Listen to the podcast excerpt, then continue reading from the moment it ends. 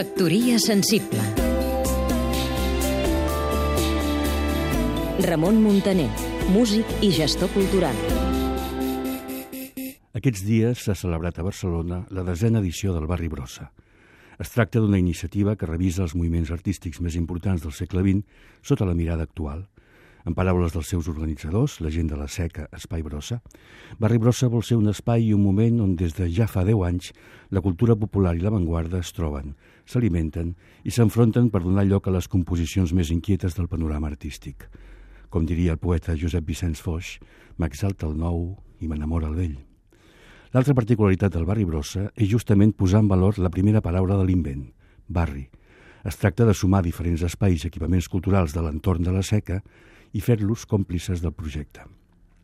Durant aquests 10 anys, i amb la figura de Germán Bonin al davant, s'han volgut recordar diferents creadors que per un motiu o altre no sempre han obtingut el reconeixement merescut. Aquest any, sota el nom genèric de La Poètica del Cos, s'ha dedicat a destacar la figura de tres barcelonins d'adopció – Tres creadors que han desenvolupat bona part de la seva feina en aquesta ciutat.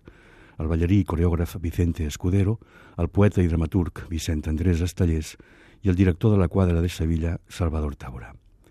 Petites iniciatives com aquestes són les que fan que la cultura d'aquest país no s'estanqui en ella mateixa i sàpiga trobar la manera d'enfortir-se en la pluralitat, acollint totes les mostres de creació que ens arriben, cada vegada més diverses, al costat de les pròpies.